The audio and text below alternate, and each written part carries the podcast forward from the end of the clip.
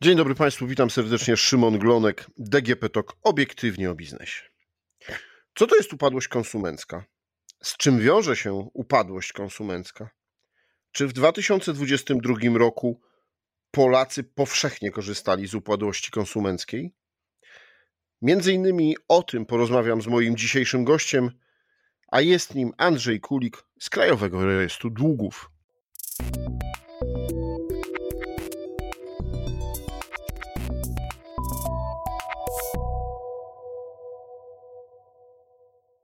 Dzień dobry. Dzień dobry. No to jeśli patrzymy sobie na ten poprzedni rok i mielibyśmy go podsumować, a jest to rok, który no od wielu, wielu e, lat jest pierwszym rokiem mocnego spowolnienia, pewnego kryzysu gospodarczego, czy możemy powiedzieć, że widać to e, w ilościach upadłości konsumenckiej? Nie, tego nie widać e, w upadłościach, bo upadłości konsumenckich w zeszłym roku było o 14% mniej niż w roku 2021, ale to wcale nie znaczy, że, że nie mieliśmy kryzysu w zeszłym roku. E, upadłość konsumencka to nie, nie jest taka co, coś, co się zdarza nagle i natychmiast to jest coś, co się e, nawarstwia, kumuluje przez lata. Problemy, które się nawarstwiają, kumulują przez lata i one w pewnym momencie dochodzi do punktu krytycznego i następuje ta, ta upadłość. My obserwujemy też od wielu lat, e, e, sprawdzamy, ilu tych konsumentów, którzy ogłosili upadłość, było notowanych w Krajowym Rejestrze Długów i jak, z jakim przedzeniem. No, przyjęliśmy taką datę dwa lata wstecz spośród tych, którzy ogłosili upadłość w zeszłym roku, no to 53% już było w naszym rejestrze jako dłużnicy notowani dwa lata właśnie wcześniej, czyli widać, że mm, to nie jest proces, który następuje natychmiast. Ja myślę, że te upadłości, które e, będą konsekwencją roku kryzysu, roku 2022, tych rosnących stóp procentowych, inflacji, to my zobaczymy w, pewnie w przyszłym roku albo, albo w kolejnym. Czyli to jest proces, który, który, który trwa. No dobrze, ale to powiedzmy rzeczywiście naszym, naszym słuchaczom, którzy mogli nie spotkać się jeszcze albo dokładnie nie wiedzą, bo słyszeli tylko ten termin upadłość konsumencka. Co to jest? Upadłość konsumencka to jest e, taki, e, przede wszystkim to jest, to jest taka sytuacja, kiedy sąd podejmuje decyzję o tym, czy uznaje, uznaje wniosek dłużnika lub wierzyciela, bo z wnioskiem o ogłoszenie upadłości może wystąpić zarówno dłużnik, jak i jego wierzyciel lub wierzyciele. E, czy jest taka decyzja sądu, która uznaje, że ten dłużnik nie jest już w stanie spłacać swoich zobowiązań, czyli jego majątek i jego zdolności do do możliwości zarobków są mniejsze niż długi, które, które ma. I ta zdolność do, ta utrata zdolności do spłaty zobowiązań musi być dłuższa niż 3 miesiące, czyli nie jest to jakieś chwilowe, że jeżeli w danym miesiącu no akurat mamy mniejsze dochody i nie jesteśmy w stanie spłacić wszystkiego tego, co powinniśmy, czyli nie pokryć kosztów bieżącego życia, ale też swoich rat kredytów, opłat za mieszkanie, telefon, prąd i, i tym podobnych. E, to musi trwać co najmniej 3 miesiące, żeby, żeby, żeby taka rzecz miała miejsce, więc e, dopiero wówczas możemy mówić o ogłoszeniu upadłości konsumenckiej. No i w momencie, kiedy sąd podejmuje taką decyzję, no to wtedy uznaje, że dłużnik jest niewypłacalny. No i, i decyduje, co, co z tym dalej zrobić, tak? Czyli e, czy um, można go oddłużyć, czy też ten jeżeli, jeżeli podejmie taką decyzję, no to dostępuje częściowe umorzenie długów, ale też e, najczęściej sąd e, ustala tak zwany plan, plan spłaty reszty zobowiązań, bo wiadomo, że majątek jest mniejszy niż wartość tego długu, więc ustala taki plan spłaty i on może nawet trwać od roku do 7 lat. Jakie są konsekwencje dla konsumenta?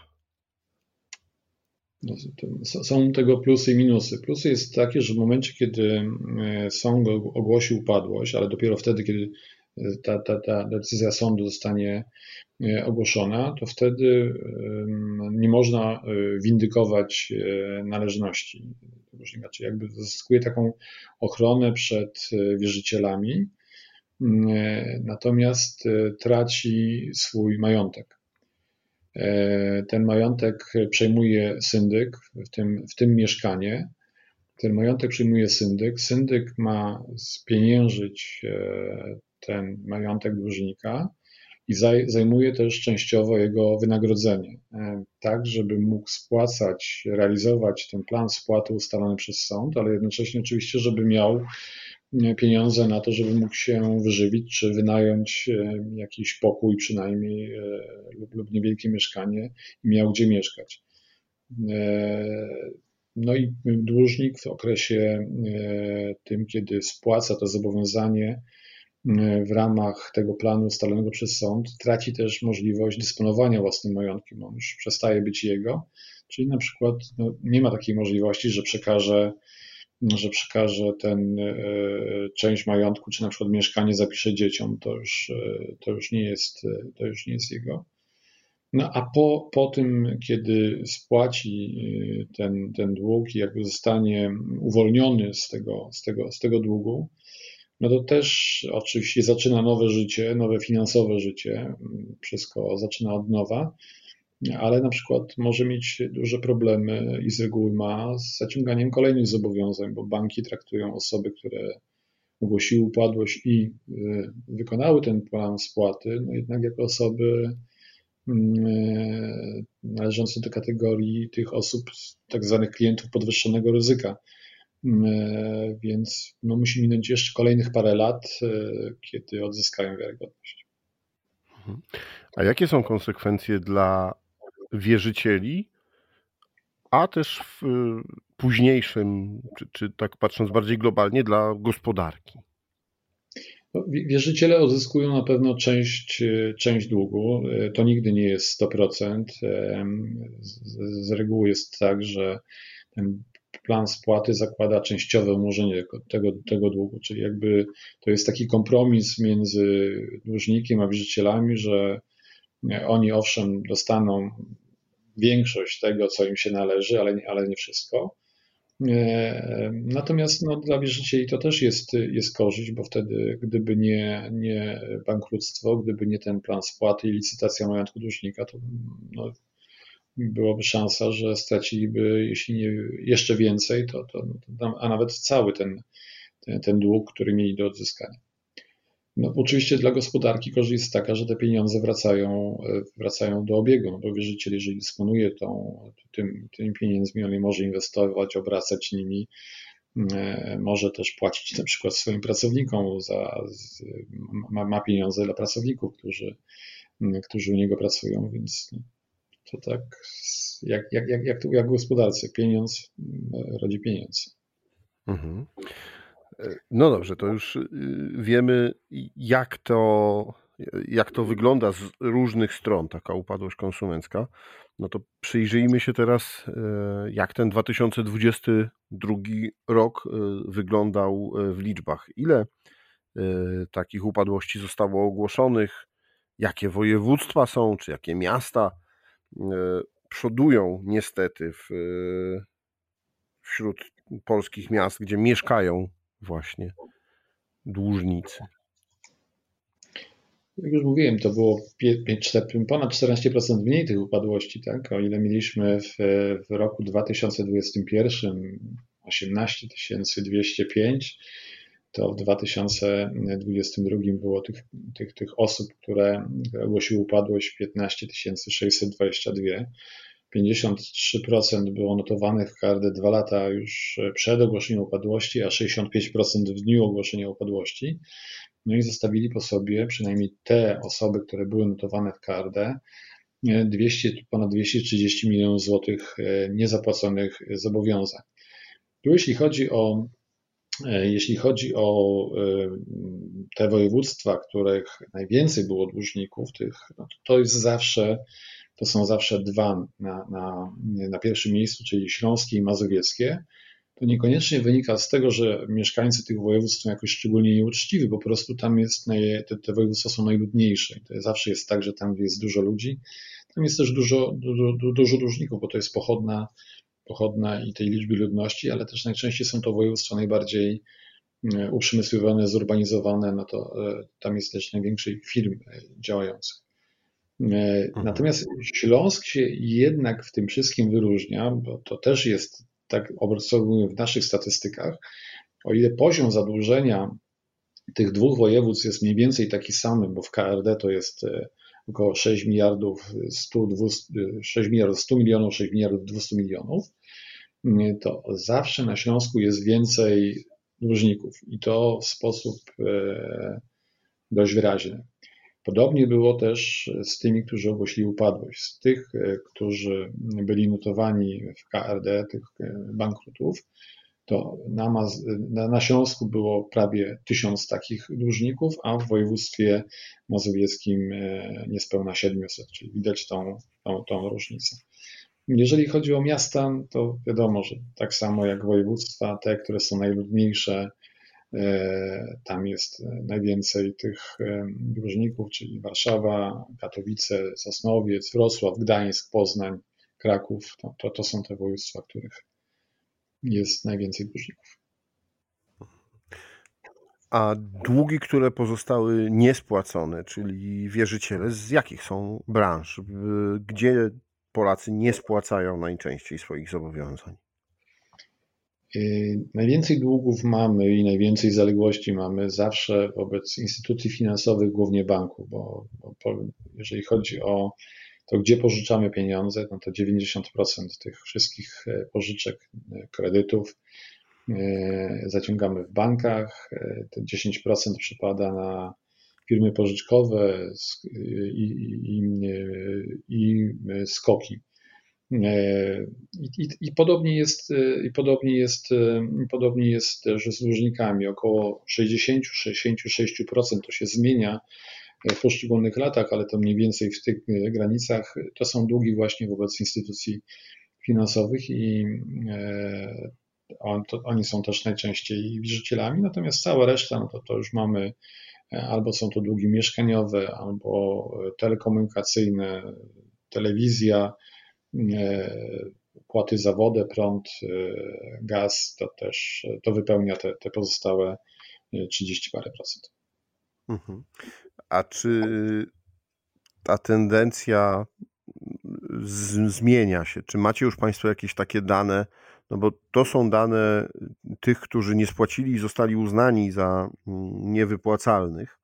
E, natomiast patrząc na 2022 rok, czy na przykład u Państwa w bazie pojawiło się więcej osób wpisanych do Krajowego Rejestru Długów, właśnie chociażby z powodów Y, niepłacenia za y, raty mieszkaniowe czy za ogrzewanie, gaz?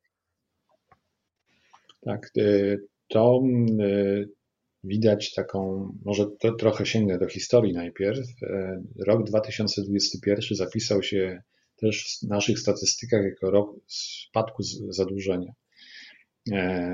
Ono generalnie po takim, po tym jak na początku 2020 roku wybuchła pandemia, to zadłużenie najpierw gdzieś tak mniej więcej do e, e, czerwca, lipca rosło, potem się ustabilizowało, natomiast w 2021 roku mieliśmy najpierw powolny, a potem coraz taki szybszy spadek tego zadłużenia, czyli było widać, że gospodarka odbiła, ludzie jednak zarabiali, nie było jeszcze inflacji, nie było problemów e, z wysokimi stopami procentowymi i to mniej więcej trwało do początku 2022 roku. Potem było takie wahanie przez pierwsze 7-8 miesięcy. W jednym miesiącu ten dług rósł, potem malał, zmieniała się też liczba dłużników, natomiast od początku sierpnia 2022 roku mamy wyraźną tendencję wzrostową. Tu już nie ma żadnych wahań. Ten, ta, ta, ta, linia pnie się, ta, ta linia trendu pnie się w górę. E, w tej chwili mamy już e, ten dług e, sięga 45 i konsumencki 45 miliardów 250 milionów złotych i nic nie wskazuje na to, że on będzie malał, raczej będzie rósł. w związku z tym raczej spodziewamy się tego, że też liczba tych bankrutów w kolejnych latach e, będzie, będzie przyrastała. Ja mówię o kolejnych latach, bo tak jak już na początku mówiłem, bankructwo to jest pewien, znaczy to jest finał pewnego procesu, który trwa z reguły 2-3 lata. E, natomiast no, do końca nie jesteśmy w stanie e, określić tego, jak bardzo e, to ten proces będzie narastał, czyli jak bardzo będzie powiększało się zadłużenie, jak bardzo przyrośnie potem liczba dłużników, bo tu jest wiele, wiele niewiadomych. No przede wszystkim jesteśmy w roku wyborczym, tak? więc można się spodziewać tego, że mogą być wprowadzane dodatkowe osłony, które mm, spowodują, że e, łatwiej będzie przejść ten kryzys, w związku z tym mniej osób straci zdolność do spłaty zobowiązań. Musimy też pamiętać o tym, że ciągle mamy bardzo niskie bezrobocie. No to oznacza, że e, y, przyczyną utraty zdolności do spłaty zobowiązań nie jest utrata pracy, przynajmniej nie w tych dużych miastach, gdzie mamy największą liczbę dłużników i największą liczbę bankrutów. Oczywiście są różnice między Warszawą, Wrocławiem, Gdańskim, Poznaniem, a na przykład małymi miejscowościami gdzieś na Warmii, Mazurach, Podlasiu, czy chociażby nawet w takich bogatych województwach jak Dolny Śląsk. My też mamy różnicę między Wrocławiem a, a tym obszarem e, tak zwanego e, e, regionu podsudeckiego, gdzie to, to, ta bezrobocie jest jednak, jednak wyższe. Więc to są te czynniki, które powodują, że nie do końca jesteśmy w stanie przewidzieć e, skalę tego zjawiska, ale jedno jest pewne, zadłużenie będzie e, narastało i spodziewamy się, że to skończy się też tym, że w kolejnych latach będzie większa liczba dłużników, e, większa liczba bankrutów. A czy jeśli patrzymy na demografię, na płeć, na wykształcenie, to tutaj widać jakieś konkretne y, tendencje, czy, czy też y, wyróżniające się grupy osób, które mają większy problem ze spłacaniem swoich zobowiązań?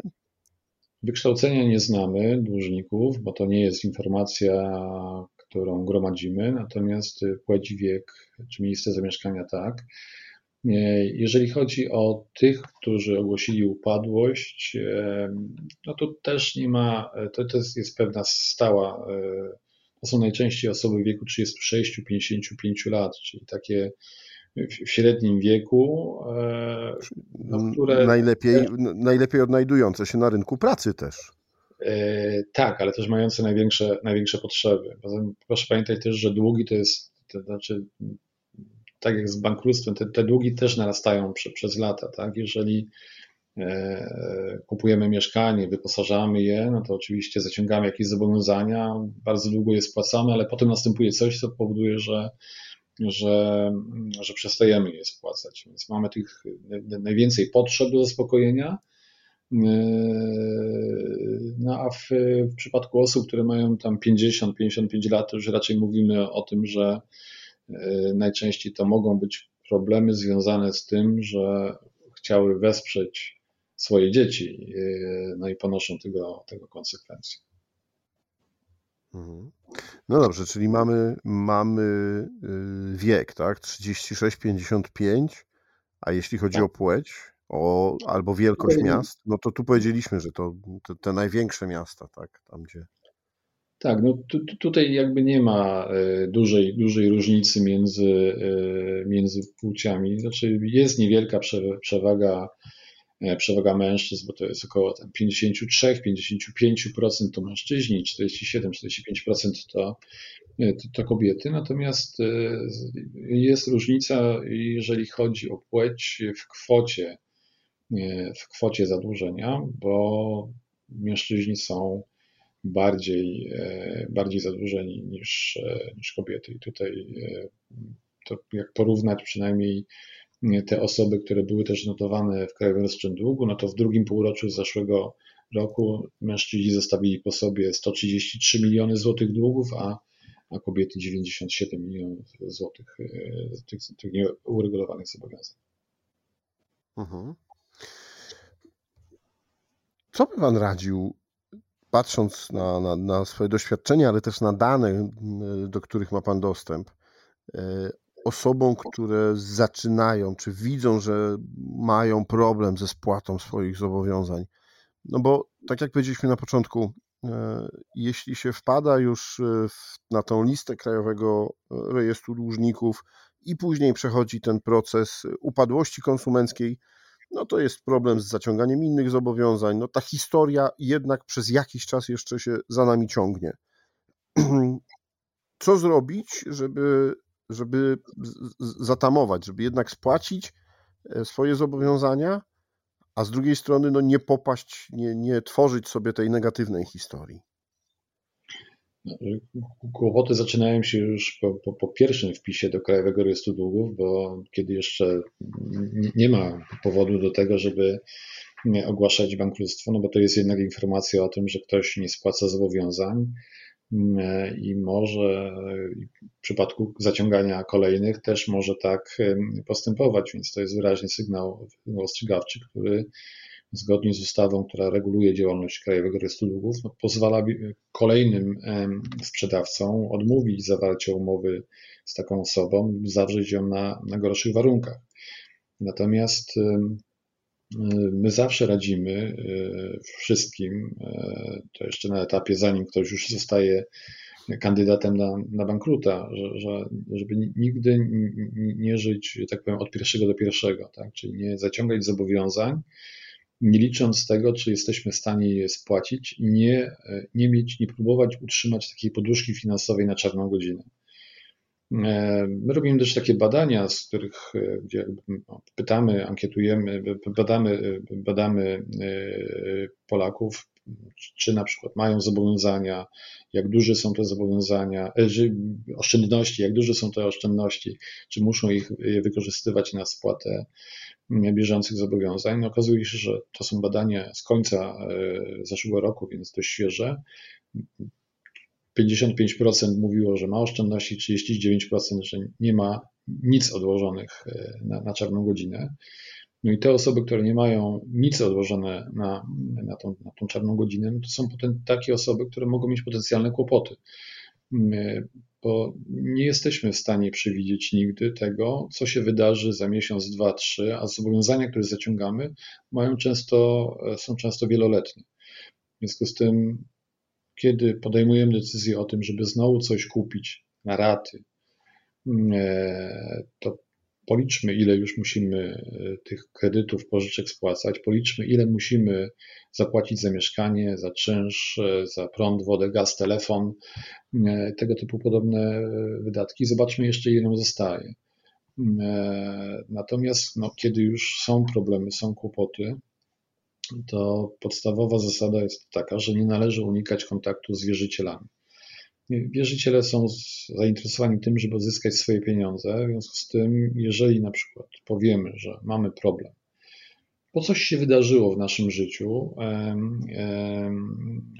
i nie jesteśmy w stanie w tej chwili regulować tych zobowiązań, to warto takie negocjacje prowadzić, bo jeżeli wierzyciel widzi, że mamy szczerą chęć żeby te zobowiązania spłacić, ale mamy chwilowe problemy z tym, żeby to zrobić, e, no to rozsądek także jemu nakazuje, żeby pójść na taki układ, e, bo lepiej dostać te pieniądze później, ale dostać je, niż nie dostać ich wcale.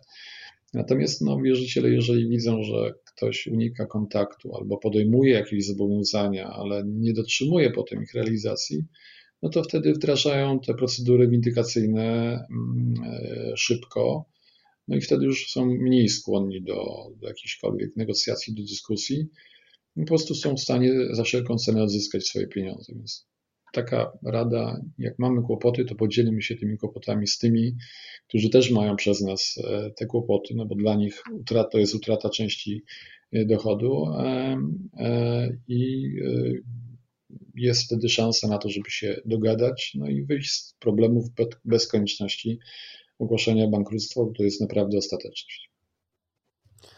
Dziękuję panu bardzo za rozmowę i e, opowiedzenie e, słuchaczom i mi na temat tego, jak wyglądają zobowiązania Polaków po 2022 roku. E, no i przekazaniu też kilku porad dla tych, którym no, czasami nie z ich winy noga mogła się podwinąć.